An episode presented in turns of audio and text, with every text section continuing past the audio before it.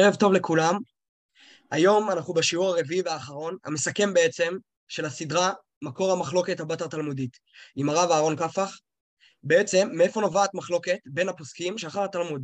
השיעור היום יעסוק בשאלה מהו מקומו של המנהג בקביעת ההלכה. בנוסף, אומר כי השבוע התחלנו בסדרה נוספת, בת שלושה פרקים, עם הרב פרופסור משה עמר ועם פרופסור ירון הראל, בנושא גירוש ספרד וקליטת המגורשים במזרח ובמערב. הסדרה תהיה בימי ראשון, והיא תעסוק במשמעויות העצומות של הגירוש על היהדות, של הגירוש על היהדות מאז ועד היום. השיעור האחרון של הרב עמר עלה ליוטיוב, ואפשר כבר לראות אותו, והוא עסק בסיפור הרקע של תולדות אה, הגירוש ועל משמעותו לעולם הספרדי עד ימינו. והשיעור הבא יהיה ביום ראשון גם כן, אה, הקרוב, על ידי אה, פרופסור ירון הראל, על היחסים בין המגורשים לבין התושבים המקומיים בחלב, ועל הסכסוכים ביניהם. שלום הרב, אתה מוזמן להתחיל. ברוך תהיה שי, וברוך יהיה הרכז שלושת ההרצאות הראשונות, אלי. גם שניכם ברוכים תהיו. כאמור, ההרצאה היום היא ההרצאה הרביעית והאחרונה בסדרה, לפחות ההרצאה האחרונה שלי. הנושא ההרצאה כאמור, כפי שאתם רואים, מקומו של המנהג בקביעת ההלכה. אה, נשאלת השאלה מהי הגדרה של מנהג.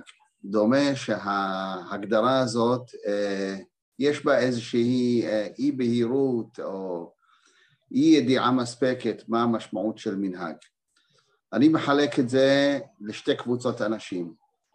יש בני האדם, שהוא רובם ככולם, שתופסים את ההגדרות של מנהגים במובן הרחב ביותר שלו, כשאני אומר במובן הרחב ביותר, משמעות שאינם יודעים להבחין בין מנהג שמקורו אה, תלמודי לבין מנהג שהוא אה, בתר תלמודי ולבין מנהגים שלמעשה פרי יצירתם של ההמוניים עד כדי כך שהם אלו מנהגים שהם מנהגים אה, שבעצם אין להם לא שורש, לא יסוד, לא עיקר, ואפילו מנהגים שצריך לדחוף אותם מכל וכול, אה, שנראה פשוט שגם הפוסקים עצמם אה, לא נזקקו כדי אה, לעסוק בהם.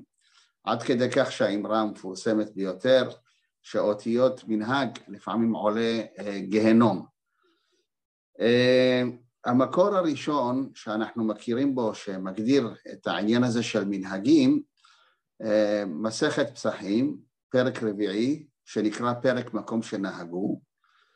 חלק מהפסקים וההוראות שמובאים בפרק הזה הם למעשה מנהגים הלכתיים שנפסקו להלכה. כדוגמה, בתחילת הפרק, מקום שנהגו לעשות מלאכה בערב הפסח עד חצות, מקום שנהגו שלא לעשות מלאכה, וההוראות האלה נפסקו בהלקות שביתת יום טוב. לעומת זאת, הובאו שם הוראות שונות, או יותר נכון הנהגות שונות, שהן לא נפסקו להלכה, אבל הן בבחינת דבר שהוא דבר נאה ויפה. ויש כאלה שקיימו, יש כאלה שלא קיימו אותם, ותלוי אה, בהוראות של אותם חכמים, חכמי הדורות, שחיו לאורך תקופות, התקופות, אם הם הנהיגו את המנהגים האלה או לא. יש לנו למשל דוגמה, דבר שם שהוא לא הלכתי בכלל, התלמוד שם בדף נ"א עמוד ראשון אומר שאין יושבים על כיסאות של גויים בשבת ויש מקומות שנהגו לשבת על כיסאות של גויים בשבת ומיד לאחר מכן יש לנו מעשה, מעשה ברבן שמעון בן רבן גמליאל שישב על כיסאות של גויים בשבת בעכו ולעזה עליו כל המדינה כתוצאה מהלעס של לעזה עליו כל המדינה, נשמט וישב על גבי קרקע. נשאלת השאלה באופן כללי, מה באמת כוח אה, המנהג הזה, אה, בכלל באופן כללי כוחו של המנהג. יש לנו למשל אה, דברי הרמב"ם, אנחנו יכולים למצוא הרבה פעמים, ונהגו העם, מנהג פשוט, יש מנהג כל ישראל, הרמב"ם, כשהוא אומר את הדברים האלה, הוא למעשה הם מנהגים שהם, יש להם שורש תלמודי, אבל לא נכתבו באופן מפורש בתלמוד, והרמב"ם בכל אופן ראה מקום להזכיר אותם בחיבורו. למשל, יש לנו בפרק שביעי מהלכות תפילה, מנהג שהרמב"ם שולל אותו, נהגו העם ברוב ערינו לברך ברכות אלו על הסדר בבית הכנסת, דהיינו ברכות השחר, בין התחייבו בין לא נתחייבו, ואומר הרמב"ם טעות הוא בידם ואין ראוי, ראוי לעשות כן. לעומת זאת יש לנו מקום אחר בפרק אה, שלושה עשר מהלכות תפילה, שם הרמב"ם אמר שנהגו אה, אה, במנהג פשוט בערינו, שיהיו מפטירין בנחמות ישעיה משבת של האחר תשעה באב ועד ראש השנה.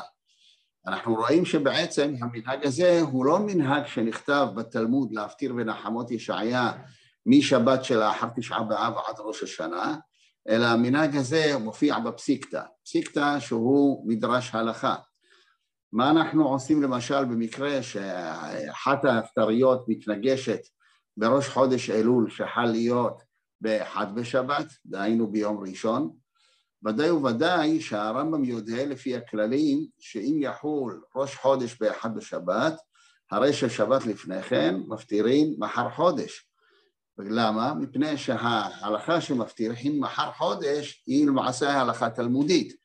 לעומת זאת העניין של להפטיר בענייה סוערה באחד בשבת הוא דווקא, אה, בשבת סליחה, הוא דווקא כשאין ראש חודש אלול חל באחד בשבת. פשוט הוא המנהג שאם יכול ראש חודש אלול בשבת, שמפטירין לשמיים כסאי. לכן המנהג שמביא הרמב"ם, כשהוא בא ואומר, מנהג פשוט בערינו, שהם מפטירין בנחמות ישעיה מהשבת שאחרי תשעה באב עד ראש השנה, דווקא כשאין זה מתנגש עם העקרונות ההלכתיים. זוהי דוגמה שאנחנו רואים אותה כאן.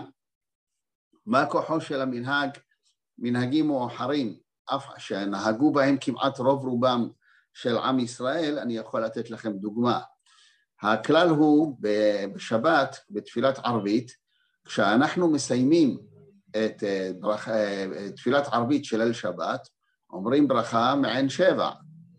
אבל מתי אנחנו אומרים את זה? כשאנחנו נמצאים בבית הכנסת. ולמנהג שמתפללים בבית חתנים או בבית אבלים או כל מקום שאינו בית כנסת, האם יישר לומר את הברכה מעין שבע, או שמא אנחנו נדקדק ונאמר שאנחנו אומרים את זה רק בבתי כנסיות, לפי הטעם הידוע, שהיו רגילים לומר, או תקנו חכמים לומר ברכה מעין שבע, כדי שהעם המאחרים בשדות יספיקו להגיע ולפחות לשמוע את התפילה הזאת, את ברכה מעין שבע. אבל הטעם של שאין אומרים ברכה מעין שבע בבית חתנים בית אבלים, הוא לא הטעם שאומרים אותו בתי, בבתי כנסיות. יש לנו את הדוגמה הידועה, איפה זה מופיע? יש לנו בדברי השולחן ערוך בסימן רס"ח, סעיף עשירי, ומרן בשולחן ערוך כותב בזה הלשון, אין אומרים ברכה מעין שבע בבית חתנים ואבלים, למה? שאין טעם שמאחרים לבוא שיהיו ניזוקים, דהיינו החשש מפני המזיקים. המקור של פסקו של השולחן ערוך הוא למעשה מהרי אבוהב, בשם ספר הנהגות שהוא מנהג אשכנז, וכיוון שכך מבחינים אנו שאין מקורות תלמודי, אף על פי שאפשר לטעון בטענת יסוד. ומהי טענת היסוד? מה שתיקנו לומר ברכה בעין שבע דווקא בבית הכנסת. אבל אם אינני מתפלל בית הכנסת אלא במקום עראי, הרי שאין לומר את הברכה הזאת. משנה ברורה בסעיף קטן כ"ה בשם הרדב"ז אה, ומגן אברהם, אנחנו רואים שהוא במקום שנהגו לאומרה, אין למחות בידם. זאת אומרת, גם אם יש מקומות, בתי אבלים ובתי חתנים, שנוהגים לומר שם את הברכה הזאת, אז הוא אומר בשם הרדב"ז והמגן אברהם שאין למחות באותם בני אדם.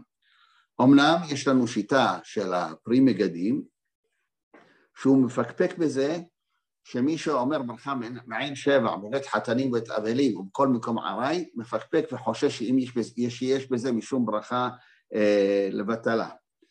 ואומנם הבית יוסף כתב בסימן הנזכר, סימן, דהיינו סימן רס"ח, כתב גאון מהריה אה, בשם ספר המנהגים, בבית חתנים ואבלים אין טעם שמאחרים לבוא שיהיו חשש של ניזוקים. ושם אנחנו לא אומרים ברכה מעין שבע, וכך כותב גם הריבש, רבי יצחק בן, בן ששת בתשובה מחכמי צפון אפריקה, סימן ל"ז, והוא אומר, אולם הטור אינו מזכיר מנהג מניעה זה. משמע שבזמנו, דהיינו של הטור במאה ה-14, לא הכירו חילוק זה. והנה, אם אנחנו רוצים לראות את המנהג כפי שהיה נהוג בתימן, יכולים להגיד שהמנהג היה מקובל, כמו שאר קהילות ישראל, על פי פסקו של השולחן ערוך. אבל אנחנו תכף נראה שלא כן הדבר, משום שהרב הישיש, הרב יחיא גפח, כותב בתשובה, ומשום מורנו ורבנו יחיא הלוי, למי הוא מתכוון, מי זה מור יחיא הלוי? המנהיג של בית כנסת המפורסמת, בית כנסת אלשיך, שחי במפנה המאה ה-17, נפטר בשנת 1696, והוא אומר, אמרו שהיה אומר ברכה מעין שבע גם בבית חתנים ואבלים, וכן נוהגים בית אלשיך, דהיינו בית הכנסת שהיא התייסדה על ידו, וגם אנו נוהגים לאומרה בבית חתנים ואבלים, והטעם והנימוק שלא חילקו חכמים איפה אתה מתפלל, ברכה מעין שבע צריך לומר אותה כל זמן, בכל שבת מהטעם של העם שמאחרים לבוא. גם אם נאמר שהיום אין טעם של עם שמאחרים לבוא לבית הכנסת, כבר אמרו על זה חכמים, אם בטל הטעם, לא בטלה התקנה. וכמובן שכוונתו בסוף, בסוף דבריו לחכמי התלמוד, אם כן אנחנו רואים שלשיטתנו השאלה הזאת, אם לחלק בין, באמירת ברכה מעין שבע בבית חתנים ואבלים לבין בית כנסת, אין משום שאין כאן עניין של אה, בכלל מקום לחלק בדבר. מי הסיבה העיקרית והידועה שבדין התלמוד וגם ברמב"ם עצמו לא הובא החילוק הזה, ולשיטת הרמב"ם אומרים את הברכה הזאת בכל, בכל זמן שיש.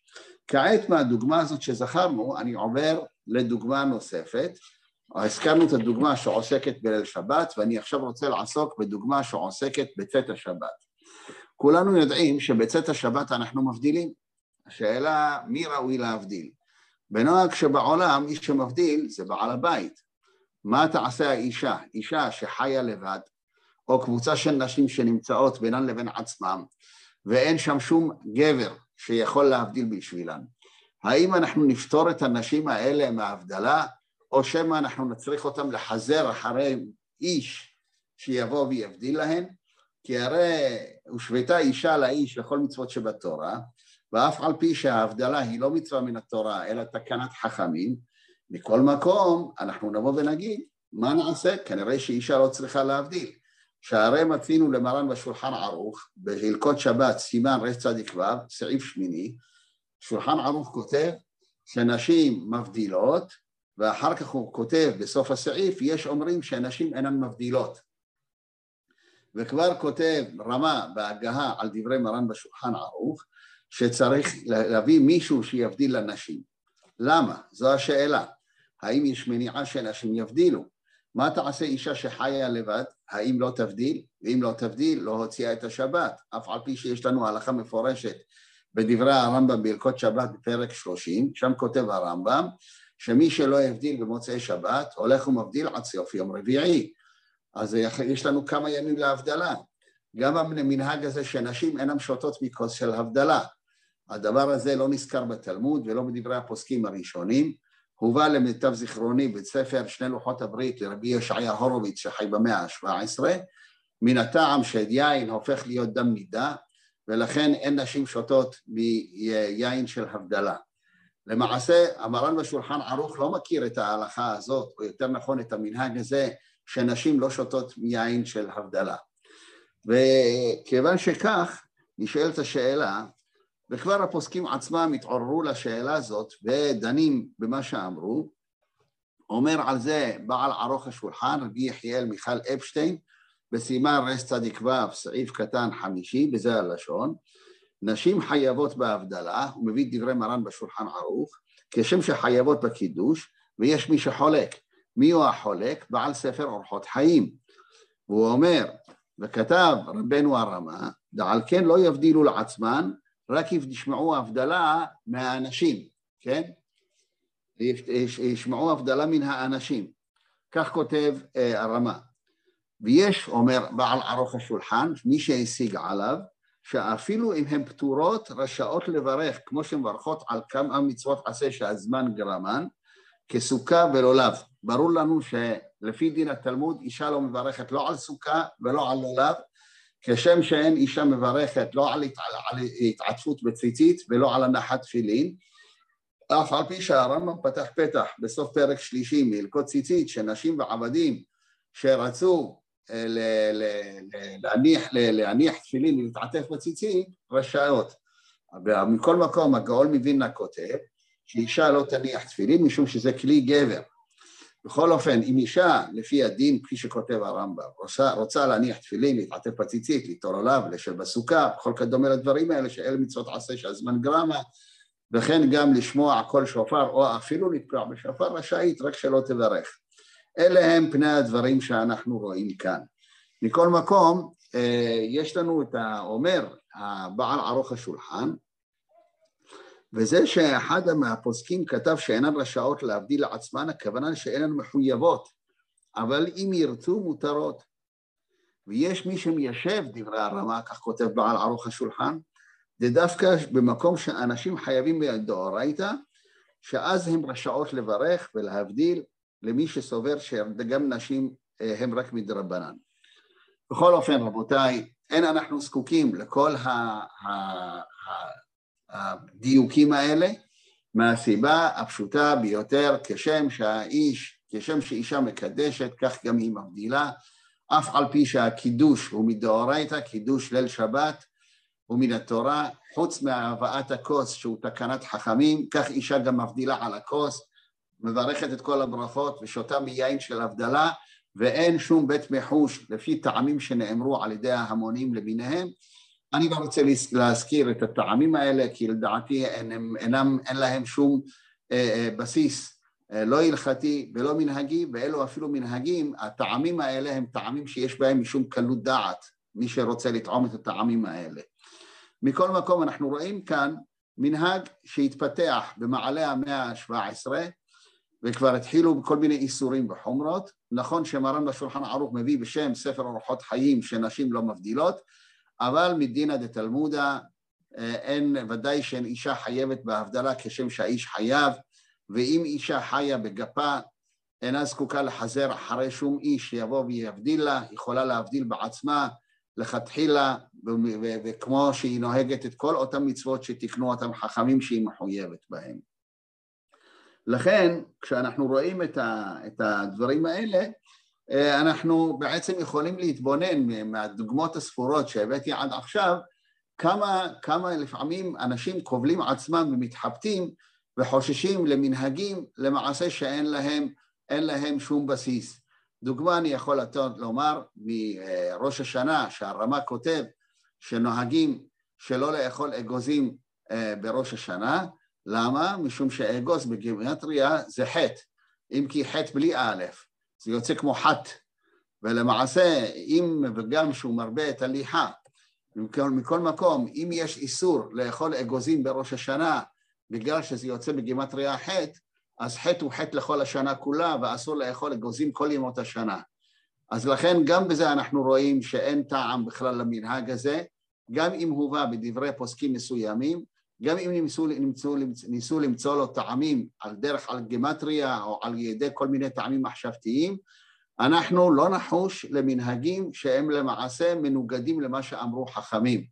אם כן, בהקשר נוסף, אז גם בחג הפסח אסור יהיה לנו לאכול אגוזים ולהשתמש בהם לצרכים מסוימים, כגון אלה שהם מערבבים אותם בתוך החרוסת. אם אנחנו רוצים להביא עוד הגדרות מה זה הביטוי מנהגים, אז יש לנו למשל מקום שהוא למעשה מנהג שיש לו בסיס הלכתי, אה, במסכת אה, פסחים שם דף נ"ג עמוד שני פרק מקום שנהגו.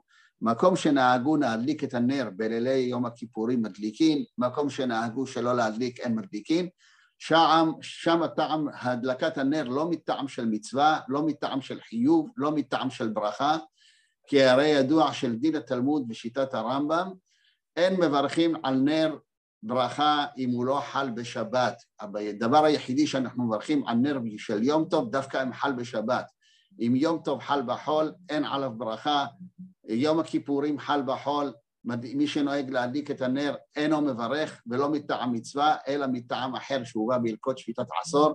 מקום שנהגו להדליק או לא להדליק את הנר, מטעם שמא יבוא באור לשמש מיתתו, וידוע שיום הכיפורים אסור בתשמיש המיטה, או שלא ידליק את הנר ישב בחושך, וישתשמיש המיטה ובחושך יבוא לשמש מיתתו. זה כל הטעם ביום הכיפורים. ויש למשל דוגמה נוספת במסכת סנהדרין, דף כ עמוד ראשון, ונפסק בהלקות אבל, מקום שנהגו נשים לצאת אחר המיטה יוצאות, לפני המיטה יוצאות. מה שכתוב שנשים משתתפות בלוויות זה על פי המנהג, ולא מדובר במלוות, אלא באבלות עצמן. לכן מקום שהאבלות עצמן נוהגות להשתתף בהלוויה על פי מה שמופיע במסכת סנהדרין, וגם הרמב"ם מביא את זה להלכה בהלקות אבל, זה מדובר באבלות בלבד. מנהג בני תימן שאין האבלות יוצאות אחר המיטה כלל. ומכל שכן ששאר נשים שאינן בדרגת קרבה ראשונה אה, לנפטר, אה, שוודאי וודאי שלא משתתפות, משום שבתלמוד במסכת מועד קטן חשו להגדרה של אם יש יצר רע בשעת לוויות או אין יצר רע. ובסוף המסקנה של התלמוד שגם בלוויות יש יצר רע ותערובת של גברים ונשים ביחד עשויים לעורר כל מיני דברים שדווקא בשעה שהאדם צריך לנהוג בנמיכות קומה, בכובד ראש ובחשבון נפש בבחינת מה שאמרו והחי ייתן אל ליבו. לכן אנחנו היה לנו מנהגנו שאין נשים אבלות יוצאות אחר המיטה כלל, בתלמוד העמידו את זה כדבר שהוא תלוי, כן או לא, וכל מקום עושים לפי מה שהם. יש לנו דוגמה נוספת, מסכת ברכות, כ"ב עמוד ראשון, נהוג, נהוג, נהגו העולם כשלושה זקנים, כשלושה סבא, כרבי יהודה ברבי אלעי בראשית הגז, בכל כדומה, לעניין טבילת בעל קרי כל זמן שיראה, כפי שכותב הרמב"ם באגרות שלו. מכל מקום אנחנו רואים שהדברים האלה הם כמנהג ולא כדבר מחייב, בפרט שהמנהגים האלה, אף על פי שנזכרו בתלמוד, בטלו משום שזו גזירה שאין הציבור יכול לעמוד בה. חוץ מאשר רבי יהודה ברבי אלעי בראשית הגז ונפסק להלכה בהלקות אה, ביקורים. והנה כי כן, כשאנחנו רואים אה, את הדוגמאות, הדוגמאות האלה, אנחנו צריכים להשית ליבנו, כפי שאמרנו, האם, השאלה הבאה, האם יש לנו אה, את האפשרות או היכולת, או יותר נכון את הכוח, להחמיר על מה שנאמר בתלמוד. יש לנו דוגמה בדברי הרמב"ם בהלקות מאכלות אסורות לעניין המוח, מוח של הבהמה, לעניין האם צריך להבהב אותו על גבי האור או לבשל אותו. מדין התלמוד אפשר לבשל, הרמב"ם שם מעיד ואומר שנהגו בערינו אה, לבשל, אה, להבהב את המוח על גבי, על גבי האור.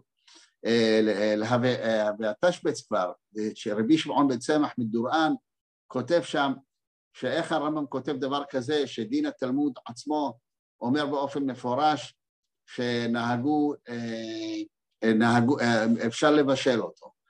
כבר הרב גפח מיד עונה במקום ששערי העדות לא ננעלו, אין כוונתו של הרמב"ם להחמיר על מה שכתוב בתלמוד שאפשר לבשל את המוח, אלא הרמב"ם מביא רק את מנהג מקומו.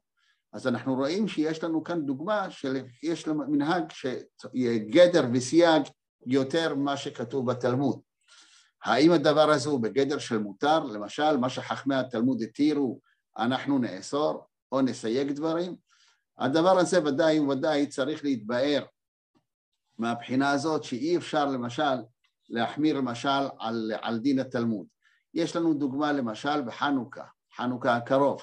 האם מותר? ההלכה אומרת שמדליקים נר חנוכה מנר לנר חנוכה אחר. יש דעה בתלמוד שאומרת שאין להדליק מנר לנר, נפסק להלכה שמדליקים מנר לנר, בא הרמה ואומר שאסור בשום פנים ואופן להדליק נר מנר. משמעות שהרמה תפס את לשון ההלכה, את לשון התלמוד שאינו להלכה, ומי שמעיין בדבריו של הרמה ובא לפסוק כדבריו מבלי לעיין במקור התלמודי שגדולי הפוסקים הביאו אותו בפשטות להלכה, הרי שהוא יכול להסתכל על מי שעושה את הדבר הזה כמי שעושה דבר שאינו הגון. ולכן אה, במקרים שלפנינו אנחנו יכולים לראות אה, דוגמאות לא מעטות.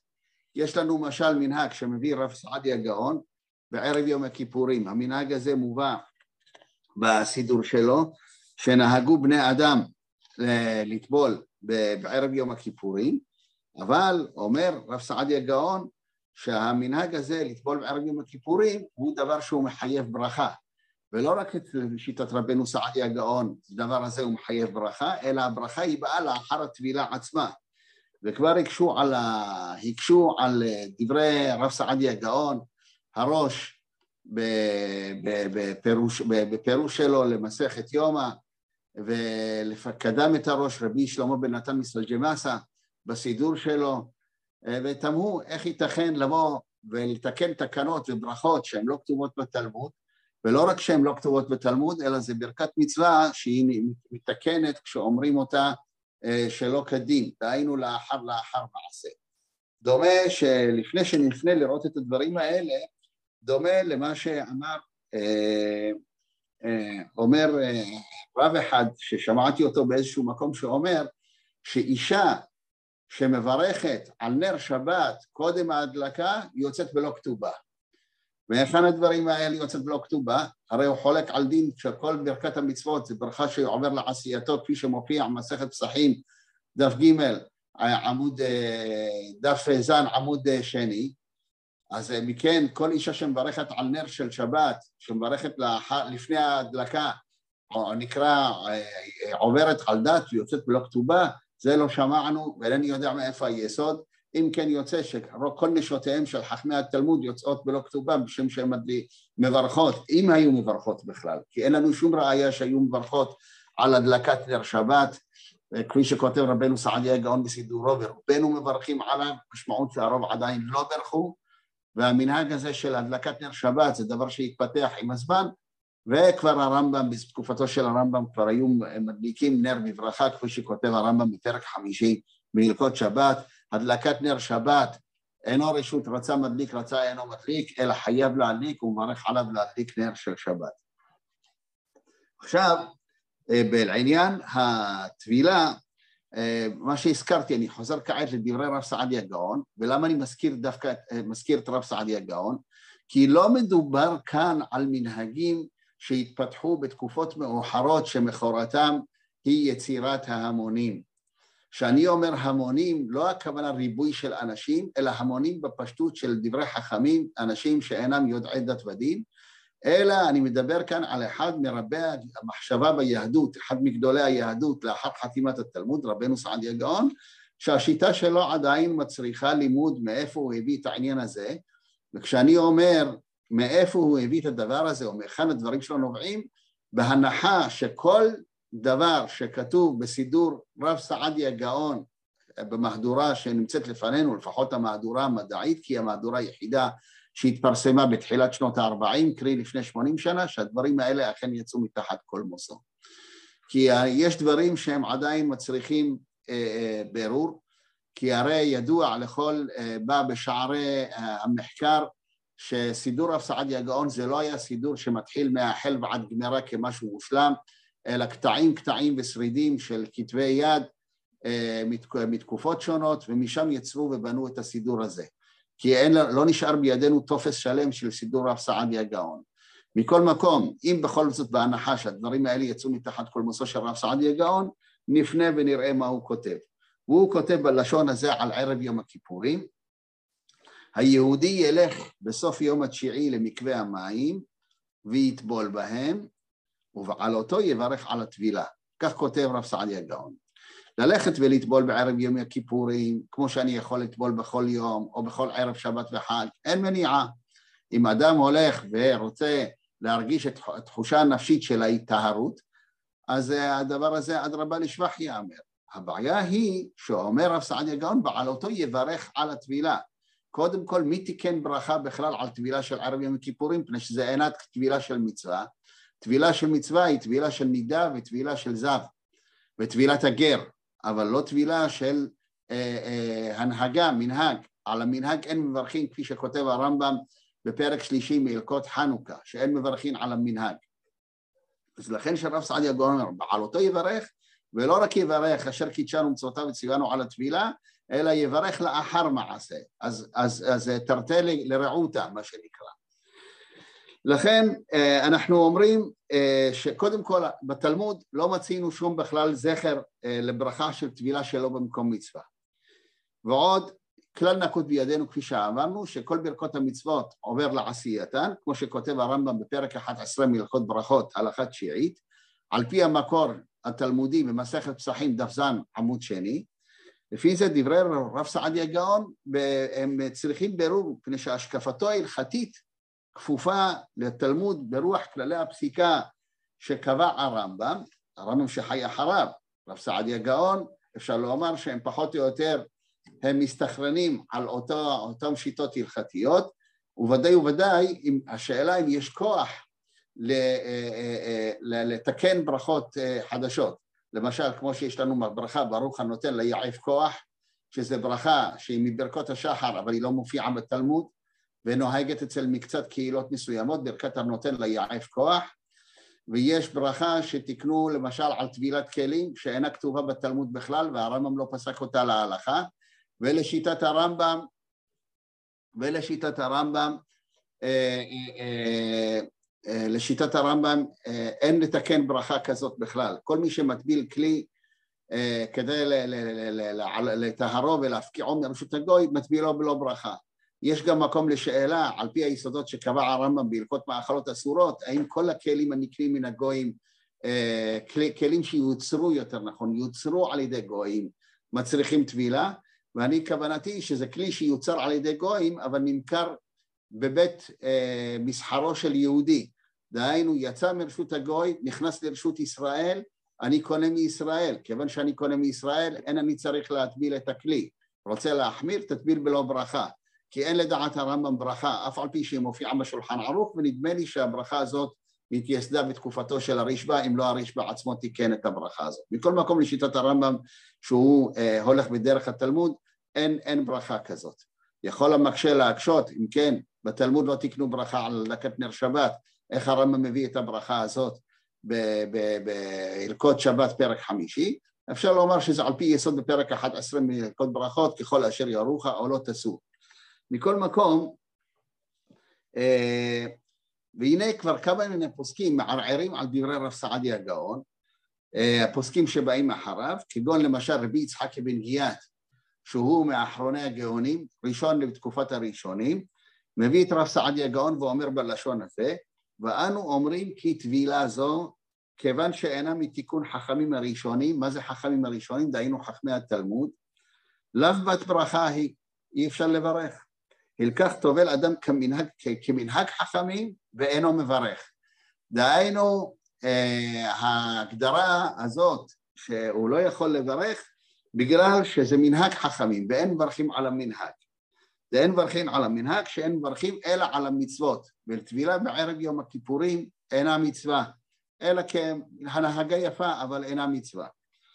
וכפי שכבר אמרנו בהתחלה, הראש עצמו גם הוא בא ברוח דברי רבי יצחק בן גיאת, והוא כותב בפירושו למסכת יומא, פרק שמיני, אה, אות כ"ד, ואין דבריו נראים בזה, דהיינו דברי רבנו סעדיה הגאון, שלא מצינו בתלמוד רמז לטבילה זו, ואין לה יסוד נביאים ומנהג נביאים, ולא עדיפה מערבה, שעל ערבה אנחנו אמרנו חבד חבד ולא בארך, מה זה יסוד נביאים ומה זה מנהג נביאים? ייסוד נביאים זה שנביאים ייסדו את הדבר הזה, כן?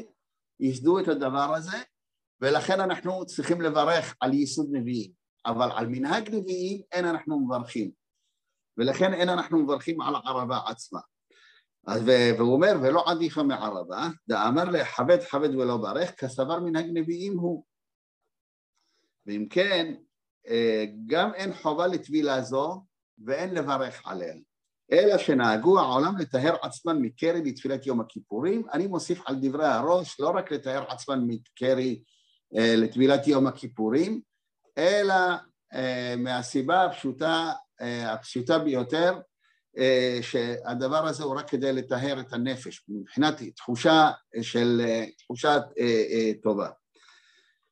בא חכם נוסף שחי בתקופת התפר, בין תקופת הריף לתקופת הרמב"ם, והוא רבי שלמה בן נתן מסלג'מאסה, שהוא אה, בסידור שלו, שהתפרסם לפני כ-28 שנים, תשנ"ה, על ידי, נדמה לי, אה, שמואל חגי, אם אני לא טועה, את ה, את ה, טועה בשם, והוא אומר בלשון הזה, אה, הוא ראה את דברי רב סעדיה גאון, והוא אומר בלשון הזה, וכבר פשט המנהג ללך ביום המעל. מה זה יום המעל? מעלי, מעלי יום הדחיפורת. היינו ערב יום הכיפורים, בסוף היום אל מקומות המים והנהרות, ורוחצים בהם האנשים, והרבה אנשים מברכים בשעת הטבילה באסיפת המים ביום מעל הכיפור, וציוונו על הטבילה. הוא אומר, יש הרבה אנשים מברכים על הדבר הזה. והם סומכים בזה על מה שמצאו בסידור רב סעדיה גאון. קודם כל, מתוך דברי רבי שלמה בן נתן אה, מסלג'מאסה, הוא כותב, הרבה אנשים מברכים בשעת הטבילה, אבל לא באר בשעת הטבילה, האם זה קודם שטבלו או אחר שטבלו, כפי שמופיע בסידורו של רס"ק. מכל מקום, כך או כך, הוא אומר, אף על פי שהם סומכים על מה שראו בסידור רב סעדיה גאון, הוא אומר, זה, וזה אינו מותר כלל, שאין מותר לנו לברך מה שלא ציוו, ציוו לנו חכמי הקבלה. דהיינו החכמים שקיבלו איש מפי איש, חכמי המוסרה, כמו ברכות ציצית ותפילין ושופר וסוכה ולעולב וכיוצא בהן. אלה הם ברכות שתיקנו לנו חכמי הקבלה, דהיינו בעלי המסורת. אבל טבילה זו אינה מוזכרת ואינה מן החמורות ואינה אלא מנהג מקובל מן הקדמונים ומנהג שנוהגים בו האנשים, נשמטת הברכה ממנו והיא בגדר ברכה שאינה צריכה ואסור לברכה המאירי למעשה, מחכמי פרובנס במאה, סוף המאה ה-13, תחילת ה-14, שהוא למעשה נחשב מאסף לכל המחנות, שאוסף את כל השיטות של פוסקים ומפרשים שקדמו אותו, אומר בספרו חיבור התשובה, וזה הלשון, שנהגו זקנים לטבול ערב יום הכיפורים, שחרית, או בשבע שעות או בשמונה שעות, דהיינו הכוונה מזמן מנחה גדולה, והוא אומר שאינה תקנת חכמים. והוא אומר בלשון הזה, יש בעניינה מחלוקת אם מברכים עליה אם לאו. זאת אומרת, הוא מכיר את מה שכתב רב סעדיה גאון, מאידך הוא כבר רואה את אלה שבאו אחריו, כדוגמת רבי יצחק בן גיאת, כדוגמת רבי שלמה בן נתן מסלג'מסה, כדוגמת הראש, שאומרים שלא לברך. רב סעדיה כתב שמברכים עליה בשעת עלייתו על הטבילה, דהיינו לאחר מכן, אלא שרבו המחלוקות עליו. מה זה רבו המחלוקות עליו? רבו החולקים עליו. לומר שאין מברכין עליה. ואף על פי שמנהג נאה הוא מנהג חכמים וחסידים, מסכם המאירי ואומר, מכל מקום אין מברכין על המנהג. וזה כלל, כפי שאמרנו, מביא אותו הרמב"ם בהלכות חנוכה, כשדיבר בדיני ההלל, ומי שרוצה לטבול, יטבול, אבל אם אכן יצאו הדברים מתחת כל מוצא של רב סעדיה גאון, ודאי וודאי אחר המחילה ואחר נשיקת עפר רגליו, אה, אין לסמוך בכלל ולברך ברכה אשר קידשנו מצוותיו וציווינו על הטבילה, בפרט שהיא לא רק שהיא לא לפניה, אלא היא באה לאחר מכן, וכפי שאמרנו, תרתי לגריעותה. יש לנו גם דבר נוסף, יש לנו למשל דוגמה במסכת קידושין, דף כ"ט עמוד ראשון, שם נאמר האב חייב בבנו למעולו ולפדותו, דהיינו גם למעול את הבן וגם לפדות אותו אם הוא נולד לאמו הישראלית, דהיינו שהוא פטר רחם, למלות שלושים יום מזמן הלידה.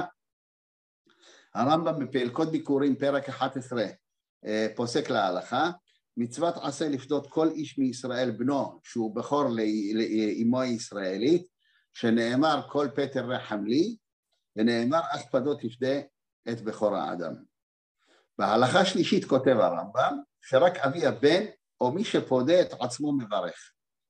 אבל הראש בפירושו לסוגיה תמה על המנהג במקומות מסוימים שלא האב ולא מי שפודה את עצמו מברך, אלא הכהן מברך ברכה.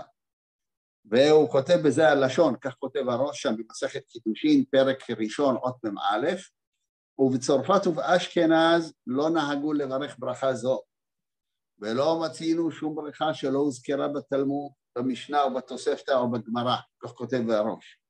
כי אחרי סידור רב אשה ורבינה, מה זה סידור רב אשה ורבינה? דהיינו סידור התלמוד, לא מצינו שנתחדשה ברכה. והוא אומר הראש גם, גם ראשית הברכה איני מבין. מה הוא כותב שם? אשר קידש, קידש עובר במעי אמו. אז הוא אומר, אי קדושת בכור כאמר, האם אם מדובר על קדושת בכור, בפטר, רחמ...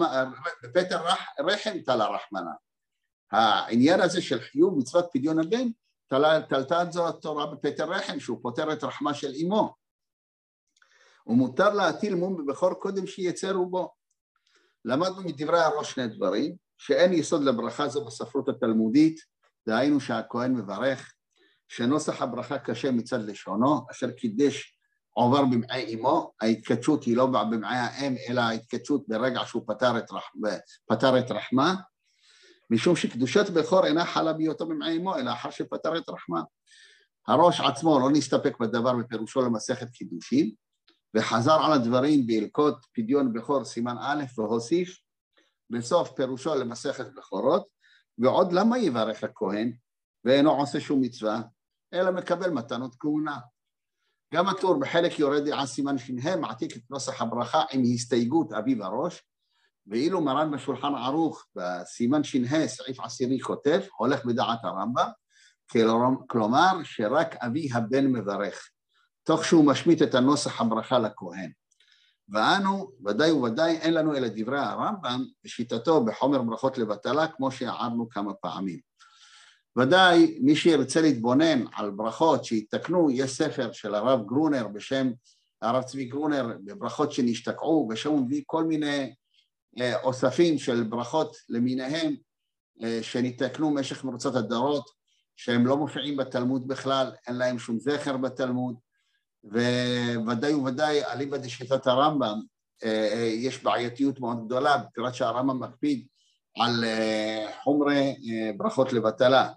יש גם את הברכה המפורסמת שמביא אותה הרמב"ם בתשובה, שרגילים לומר שהיא נמצאת כבר הברכה הזאת בתקופת הגאונים, מה שקוראים לה קידוש הבתולים או ברכת בתולים, אשר צג אגוז, איילת אהבים ויעלת חן, דדיה ירמוך בכל עת, ומברך איזושהי ברכה שם, הרמב"ם אומר בתשובה שכל אדם ירא שמיים אסור לו להימצא במקום כזה, וודאי וודאי שלא לשמוע את הברכה הזאת, כי אלה דברים שהם, יש להם אה, דברים שבצנעה. אז אה, בכל אופן, הראש, אם אנחנו כבר מדברים על הדוגמה הזאת של ברכת בתולים, אנחנו רואים שהראש מעלה את האפשרות שהברכה הזאת התקנה בתקופת הגאונים, ואכן אנחנו מוצאים שהיא נזכרת בספר הלכות גדולות של רבי שמעון קיירה, שחי כ-400 שנה קודם תקופתו של הרמב"ם, בעל הלכות גדולות, ומדוע גם בפדיון הבן לא ציין הראש, או לפחות הצביע על אפשרות כזאת.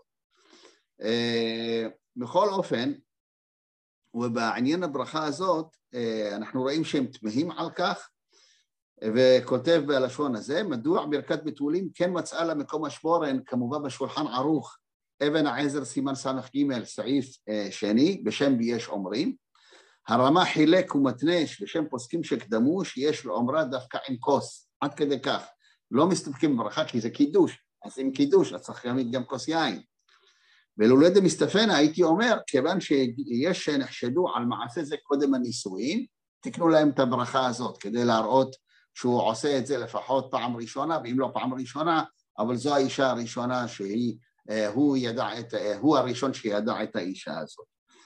ובפרט שיש הפליגו בגיל, חששו ללעז עלול לצאת מזה, ולכן נתנו להנהגה זו אה, תוקף מסוים באומרם שהבא לברך ברכה זו מורה על כך שהכלה נקייה מכל רבב.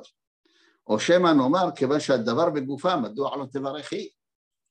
וכל זה עדיין בגדר השערה, ואם יאמרו מה שכתב, מה שאני אומר בעניין הזה, שאין בו ממש, אני אסכים איתם בדבר הזה.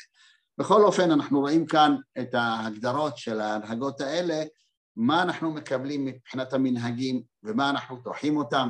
אנחנו מכירים גם את תשובות הרמב"ם, שהרמב"ם מדבר על מנהגים שצריך לדחות אותם, וכבר דיברתי באחד השיעורים המקדימים באחת ההרצאות, שהרמב"ם סבור שמנהג אה, שהוא בעצם אין לו יסוד אה, הלכתי, אנחנו מפסיקים לנהוג בו, ואנחנו לא מחפשים התרה לא על ידי בית דין של שלושה חכמים, כל שכן של שלושה הדיוטות וכל כדומה לדברים האלה, אלא פשוט להפסיק לנהוג במנהגים האלה שאין להם שום משמעות. אני מודע כעת, בנימה אישית, אני מודע לכך שקשה על אנשים לבטל מה שראו בבית אבא, מה שראו בבית סבא, והרבה אנשים מחזיקים בכוח מנהג שיש כאלה פוסקים שאומרים שאין לזלזל בשום מנהג אפילו אם המנהג הזה הוא מוקשה, מנהג בעייתי, צריך להחזיק במה שאנשים קיבלו.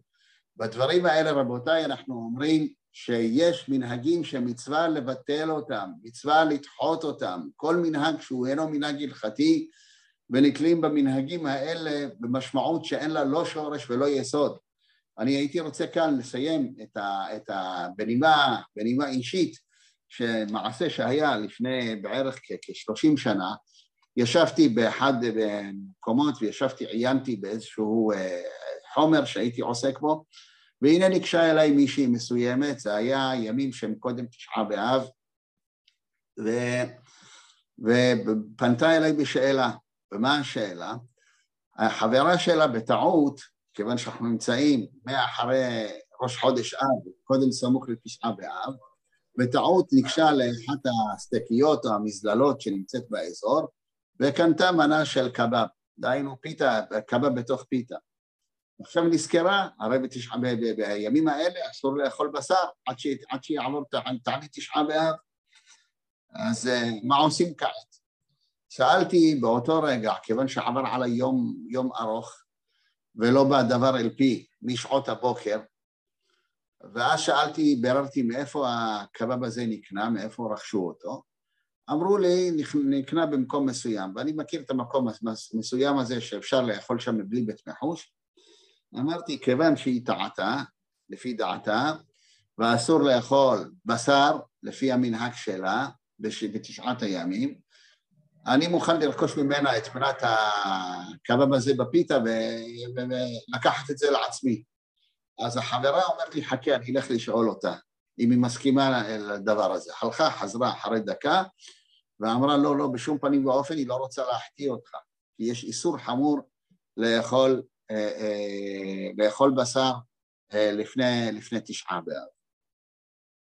שמעתי את הדברים האלה, סבר וקיבל, לא רוצה למכור, לא רוצה להעניק את זה, אבל מני אז אותה אה, אה, בחורה אה, הכירה אותי והייתה באה מדי פעם לשאול אותי שאלות בנושאים כאלה ואחרים, לאו דווקא בנושאים הלכתיים.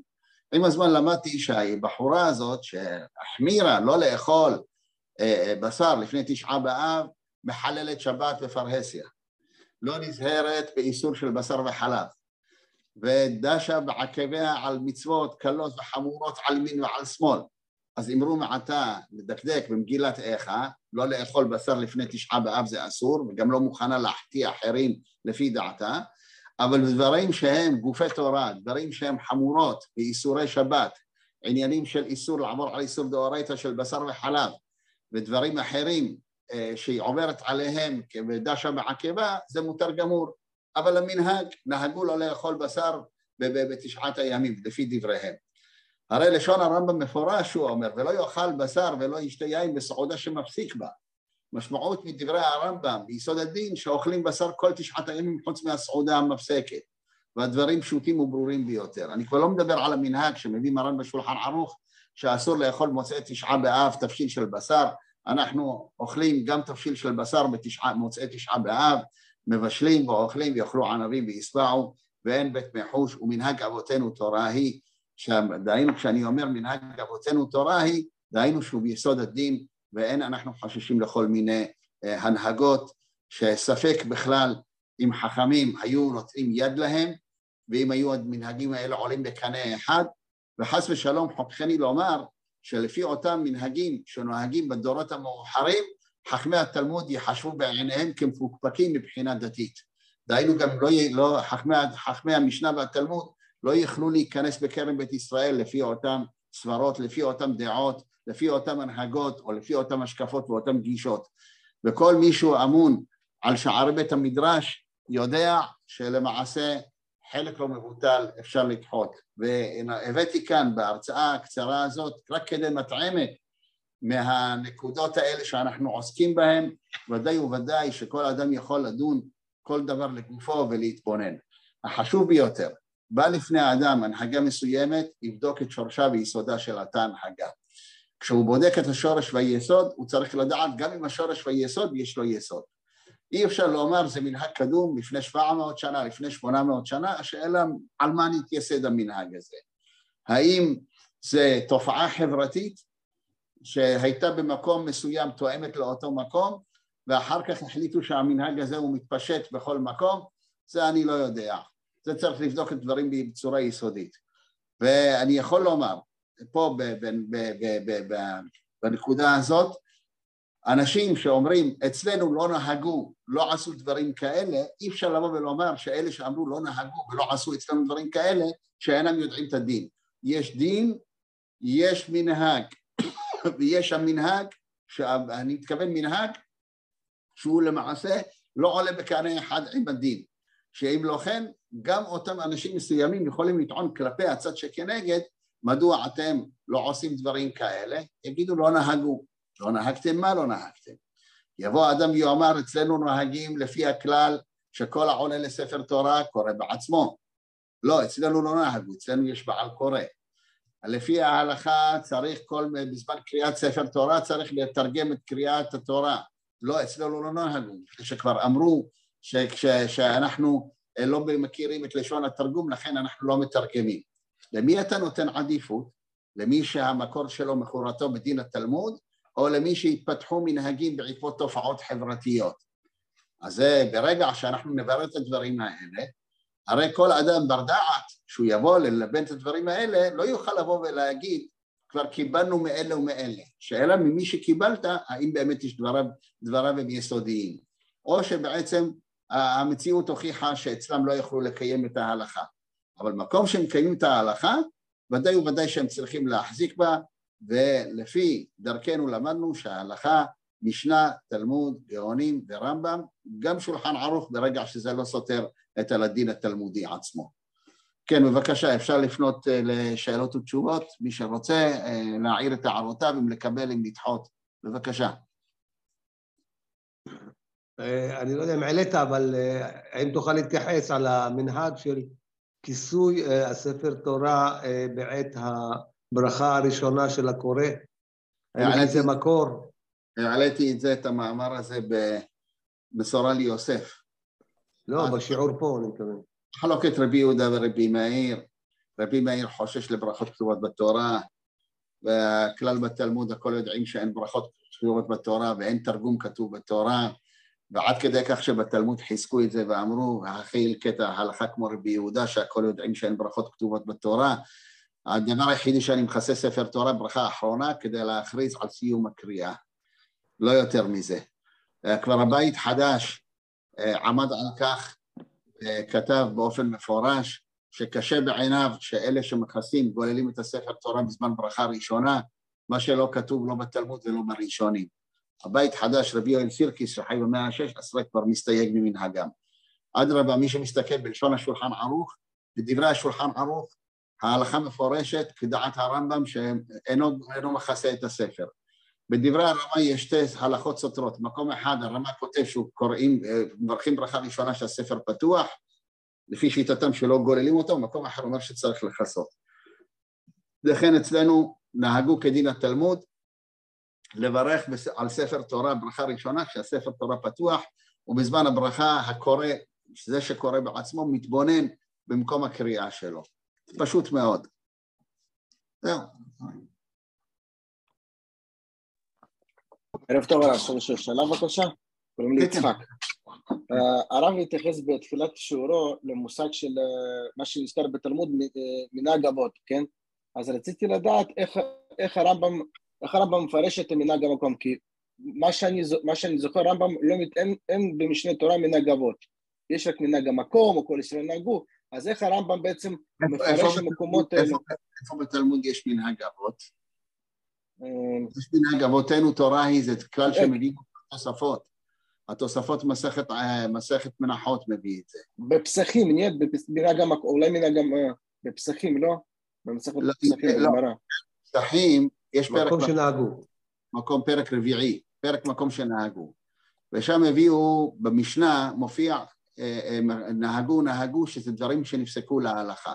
כמו שהבאתי לדוגמה, מקום שנהגו לעשות מלאכה בערב פסח עד חצות, מקום שלא נהגו. מקום שנהגו להדליק את הנר בערב יום הכיפורים, ליל יום הכיפורים, מקום שלא נהגו. אז אלה הן מנהגות שהן בעצם, בעצם הלכתיות, אבל יש דברים שהרמב"ם לא מתייחס להגדרה של מנהג אבות.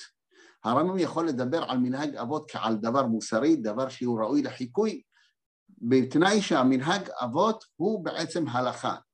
אין הרמב"ם, כפי שאמרתי כבר בדבריי, הרמב"ם בתשובה שלו, בתשובות שלו כותב שאין להתחשב במנהג בשום פנים ואופן אם המנהג הזה הוא לא, הוא לא, הוא לא הלכתי. במיוחד שאם חס ושלום גם מנהג שהוא בעייתי מבחינת ההלכה. הרמב"ם אומר מבטלים אותו, פשוט דוחים אותו, לא צריך אפילו התרה, לא צריך להישאל על מדרו. גם אם נהגתי כך תקופה מסוימת בימי חיי, ואבא שלי נהג במנהג הזה כל ימי חייו, והסבא שלי והסבא של סבא נהגו במנהג הזה כל ימי חייהם עד, כך, עד כמה וכמה דורות, ברגע שהוכח שהמנהג הזה הוא מנהג טעות, מנהג שאין לו שורש, מבטלים, דוחים אותו. עכשיו תשאל, מאיפה אתה יודע, מאין לך הכוח לבטל אה, מנהג כזה? הטעם הוא פשוט ביותר. זה תלוי הדבר בכללי ההוראה, כללי הפסיקה שהאדם אמון עליהם. אה, הרמב"ם הוא בין היחידים, אפשר להגיד, או כמעט יחיד, מבין חכמי הספרד, דהיינו כל החכמי ספרד שקדמו את הרמב"ם, הם היו באותה גישה פחות או יותר, שאנחנו לא הולכים ומחדשים דברים שהם בעצם לא, שהם לא, אה, לא מנהגים תלמודיים. מנהגים יותר תלמודיים, הנמילה שאין התנגשות. אה, ואי אפשר לבוא לבן אדם בן דורנו, שבא ומוכיח בצורה ברורה ביותר שהמנהג הוא בעייתי, ולהגיד אבל כבר כמה וכמה דורות עושים את זה. זה לא אומר כלום. אתן לך דוגמה, כל שנה בשנה מנהגי האבלות של ימי העומר עצמם. איפה מצינו מנהגי האבלות בימי העומר בזמן חכמי הגמרא? איפה מצינו מנהגי האבלות בימי העומר בזמן הגאונים? לא היה דבר כזה בכלל. היום מוכח מה שכותב המאירי, הורו הגאונים, או רבי יצחק בן גיאת, או חכמים שהיו באותה תקופה, מדובר על חכמי אשכנז הראשוניים, לא מדובר על גאוני בבל בכלל.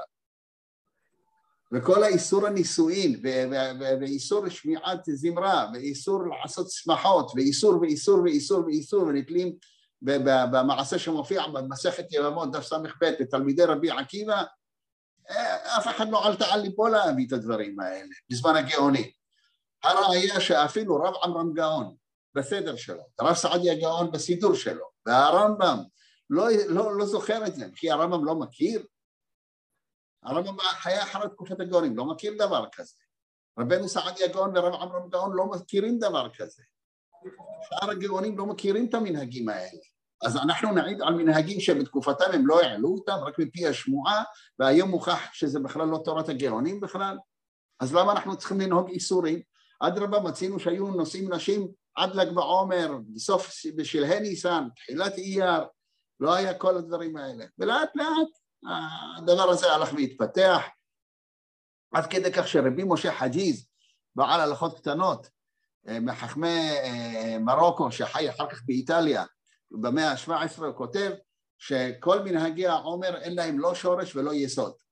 יעלה על הדעת על חכם בימינו להגיד שמנהגי העומר אין להם לא שורש ולא יסוד? הוא יכל, רבי משה חג'יז, בעל הלכות קטנות במאה ה-17, אין להם לא שורש ולא יסוד. זו אמירה מאוד קשה להגיד דבר כזה. ולשאלה שלא קמו עליו בחרב ובחנית. היום כל מי שיגיד היום אין לזה לא שורש ולא יסוד, אה, הוא בעצם מוציא את עצמו מן הכלל, כמו שאומרים. פשוט מאוד. יש לבדוק את הדברים האלה.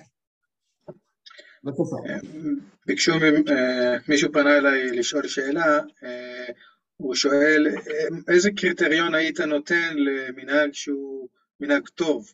אה, שיש לשמר אותו, למרות שהוא לא תלמודי, אבל בכל אופן יכול להיות מנהג טוב. מה למשל, יש לך דוגמה? לא, הוא שואל, יהיה, איזה הגדרה תיתן? אה, האם יש לך הגדרה, או האם יש דבר כזה בכלל? מנהג שאפשר, מה שנקרא, לחיות איתו בשלום? דוגמה? כן, או שאפילו רצוי. אני חושב שכבר אמרתי את זה באחת ההרצאות האחרונות, אנחנו סיימנו לפני חודשיים את אה, ראש השנה, המנהג שמביא אותו הרמה, שנהגו להזמין את התוקע, לברך בספר תורה ביום ראש השנה, כמו שכר תקיעות או אינני יודע מה. ומעריץ, לפי מיטב הבנתי, מעריץ הוא הראשון בין חכמי תימן שהעלה אותו, כי אין לזה זכר ותק"לי בכלל בסידורי התפילה התימניים, וכולם נתלים במעריץ שהמנהג אצלנו, המנהג, המנהג אצלנו, זה לא מנהג שלנו בכלל. זה מופיע בדברי הרמה. המנהג טוב, בסדר גמור, מה הבעיה? אז תכבד את התוקע, לברך אה, בספר תורה, מברך רביעי או חמישי, יש אפילו מחלוקת אם זה מברך רביעי או חמישי נותנים לו. אז זה לא מפריע לאף אחד. המנהג אצלנו שאנחנו נוהגים למכור את ראשון בראשית וראשון נוח, דהיינו אה, אה, מוכרים את זה, את המברכים האלה, או ראשון של פרשת נוח או ראשון של בראשית. המנהג הזה בכלל מופיע אצל מהרי קולון, ברבי יוסף קולון. מחכמי איטליה במאה ה-15. ובכלל מאיפה המנהג הזה בא? הוא מתייחס לשאלה של איזה קהילה שאומרת על מה שאמרתם שנהגו אצלכם למכור את מברך ראשון של בראשית, כך הוא כותב. אצל התימנים החמירו והוסיפו גם את נוח, שם אני זוכר שהוא מדבר רק על בראשית. בסדר, זה מנהג יפה, מנהג טוב. סותר את ההלכה? לא סותר שום ההלכה. אולי יש איזושהי בעייתיות מסוימת, שמי שקונה את מברך ראשון, שיקנה אותו כהן. אה, ולא יקנה אותו ולא יגידו דמים מוכיחים, על פי הגמרא בבבא קמא. אז שיקנה אותו כהן, אף על פי שגם כהן זה בעייתי שיקום בראשון, כי כולנו יודעים שראשון זה לא שייך לכהן, כפי שכותב הרמב"ם בפירוש המשנה במסכת גיטין. ורק בסוף הוא נאמר, ומנהג פשוט הוא היום, שכהן קורא ראשון והוא קודם תלמיד חכם ישראל, אבל הרמב"ם אומר במפורש, כל מי שהוא קודם גדול מחברו בחוכמה קודם לקרות. אז זה בסדר, אז, אז מכרנו. אצלנו היו נהגים למכור את מבורך ראשון, גם של בראשית ושל של נוח, אבל תמיד ידעו שמי שקונה את מבורך ראשון זה כהנים, היו אה, קונים את זה. ואם המנהג הוא חומרה, למשל אותה, אותה אישה שתיארת, נניח שהיא הייתה גם שומרת שבת וכל ה... ודינים... תראה, רבנו כבר לא לאכול בשר בתשעה ימים. רבנו כבר מזכיר, רבנו כבר מזכיר את המנהג הזה. העובדה שרבנו כן העלה אותו בהלכות תעניות, שלא לאכול, שיש כאלה נהגו שלא לאכול בשר. בסדר, לא מפריע לי. לא מפריע לי. אבל אי אפשר לבוא להחמיר ולהגיד, לא רוצים להחטיא אותך, עד כדי כך, להחטיא אותי לא לאכול בשר. מצד שני, אה, מדקדקת במגילת איכה ומזלזלת בדברים שדאורייתא. אלה אלה פני הדברים. כן, ואם אוכל אני לשאול שאלה, זה היה בשם מישהו אחר שפנה אליי.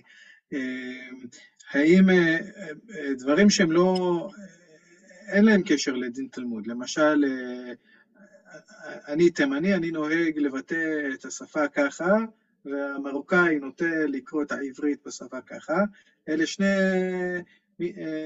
אפשר, אני לא יודע אם לקרוא לזה מנהג אפילו, אבל זה שני אופני לא, זה לא שני מסורות עברית. זה לשון, זה לשון, זה מסורות לשון. כן. תראה, אני לא איש לשון.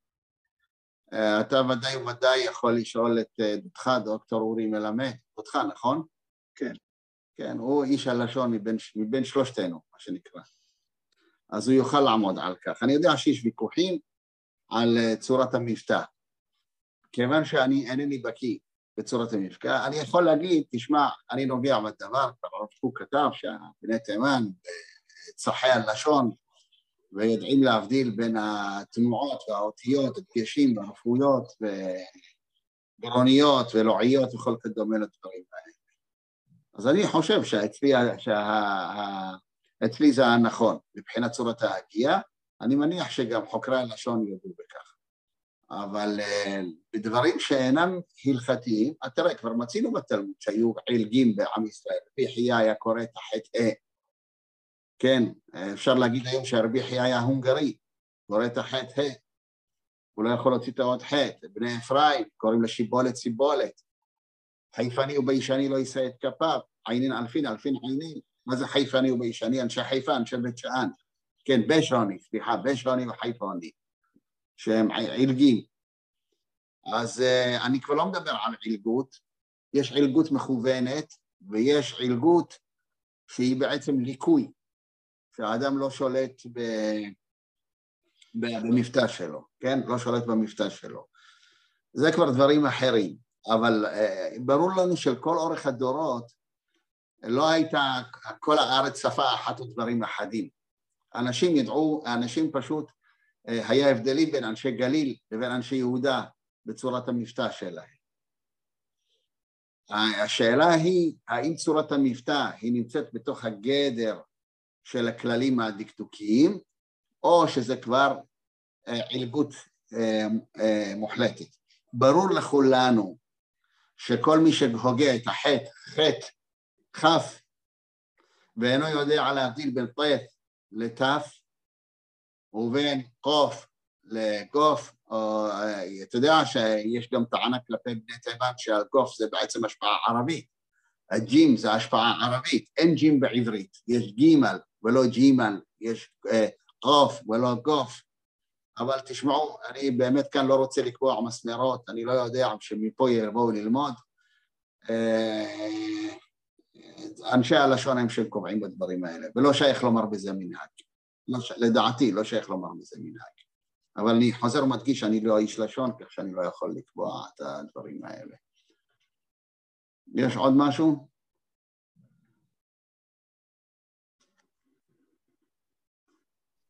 אז טוב, אני מניח... אם אה, אין עוד שאלות... הופ, סליחה. כן, הרב? הרב אהרון, כן, בבקשה, שלום. שאלה. כן, אה, כן. שיש מנהג היום נפוץ מאוד היום, באופן, זה מקבל גם בכלל בתקופה שלנו קיבל אה, תאוצה מאוד מאוד רחבה בעניין של עלייה לקברים, השתתחות בקברים, תפילה בקברים, אה, וקריאת תהילים וכדומה, אמירת קדיש. המקום הזה הוא ידוע כמקום טמא, והפכו את זה למקום קדוש. בהגדרה הוא מקום טמא. איך אפשר להסביר את זה ומאיפה מאיפה שורש המנהג הזה וחכמי הדור אה, שות- שותקים בדבר הזה. איך אפשר להסביר את זה? טוב, מה היית רוצה שאני אענה? מה שצריך לענות?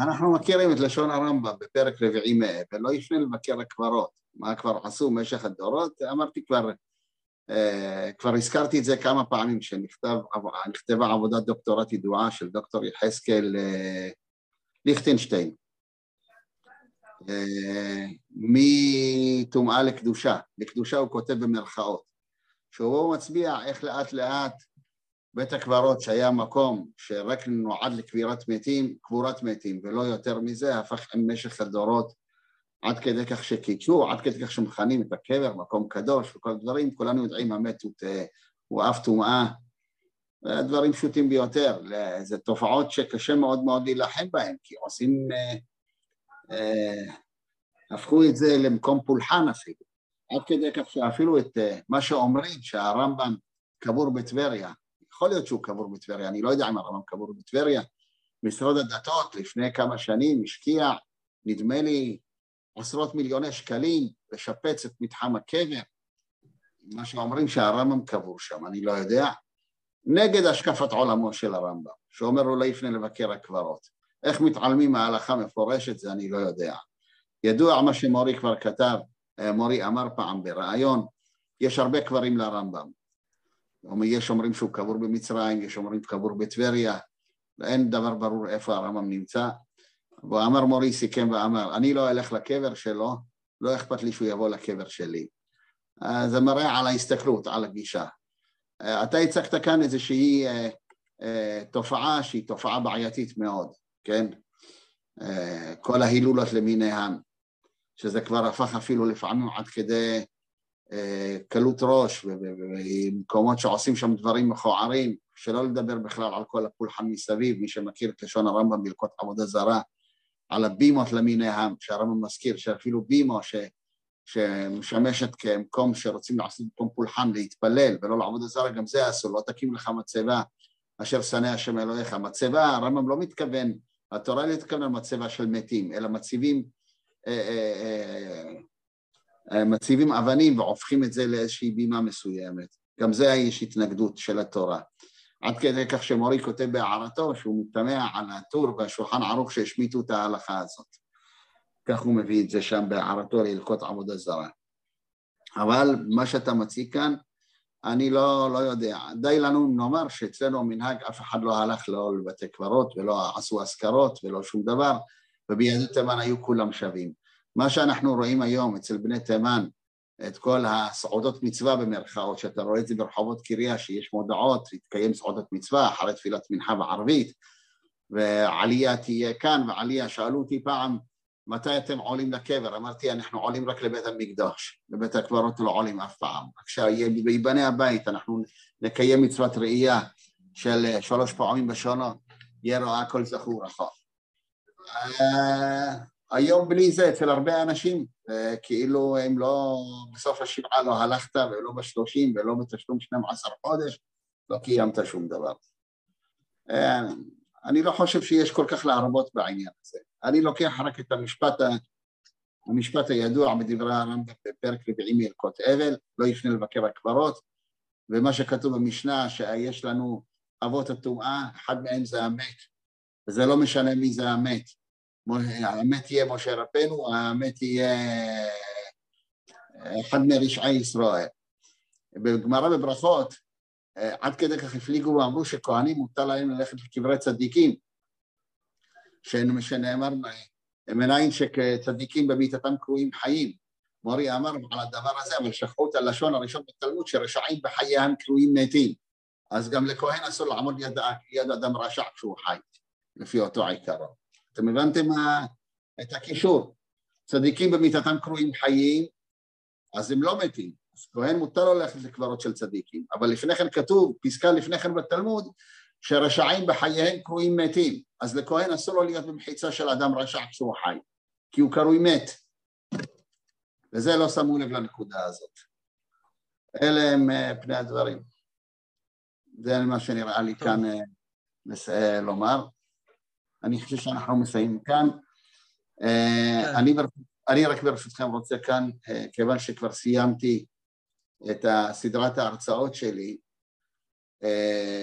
היא הסדרה, ההרצאה הרביעית בתוך הסדרה, אז אני, קודם כל ברוכים יהיו כל הקהל, המאזינים, המשתתפים, שהיו לכל אורך ההרצאות, ובנימה אישית אני רוצה כאן לשלוח ברכה ותפילה, יותר נכון, תפילה לרפואתו של בני יהונתן יהודה, ברוך מבנים, שהקדוש ברוך הוא ייתן לו בריאות הגוף ובריאות הנפש, יחזק אותו ויציל אותו מכל צרה וצוקה, מכל נגע ומחלה, ואומר לי סורה ותחלו עבדי.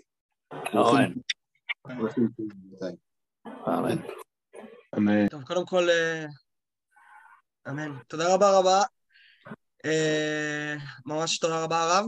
טוב, מזכיר כי בשבוע הבא, יום ראשון יהיה שיעור של פרופסור ירון הראל, בהקשר של השיעור הקודם עם הרב פרופסור משה עמר על גירוש ספרד, והנושא יהיה יחסי מגורשי ספרד והתושבים המקומיים בסוריה, כולם מוזמנים להגיע. זה יום ראשון. אה, הרב, הרב שומע? כן, כן, שומע, גם שומע. כן, אז כן. אנחנו רוצים הרב אה, להודות לך מאוד מאוד על הסדרה הזאתי. אה, כל אחד מארבעת השירותים, השיעורים באמת באמת היה מאוד מאוד מרתק. אה, מקווים מאוד גם שאם תסכים בהמשך לעשות עוד איזו סדרה או עוד איזה כמה שיעורים פה. אז תודה רבה רבה ולילה טוב לכולם. על זה, על זה נאמר ברוך נותן חיים. אפשר לשאול שאלה רק? כן. שי, לא לרב, מחילה. שי,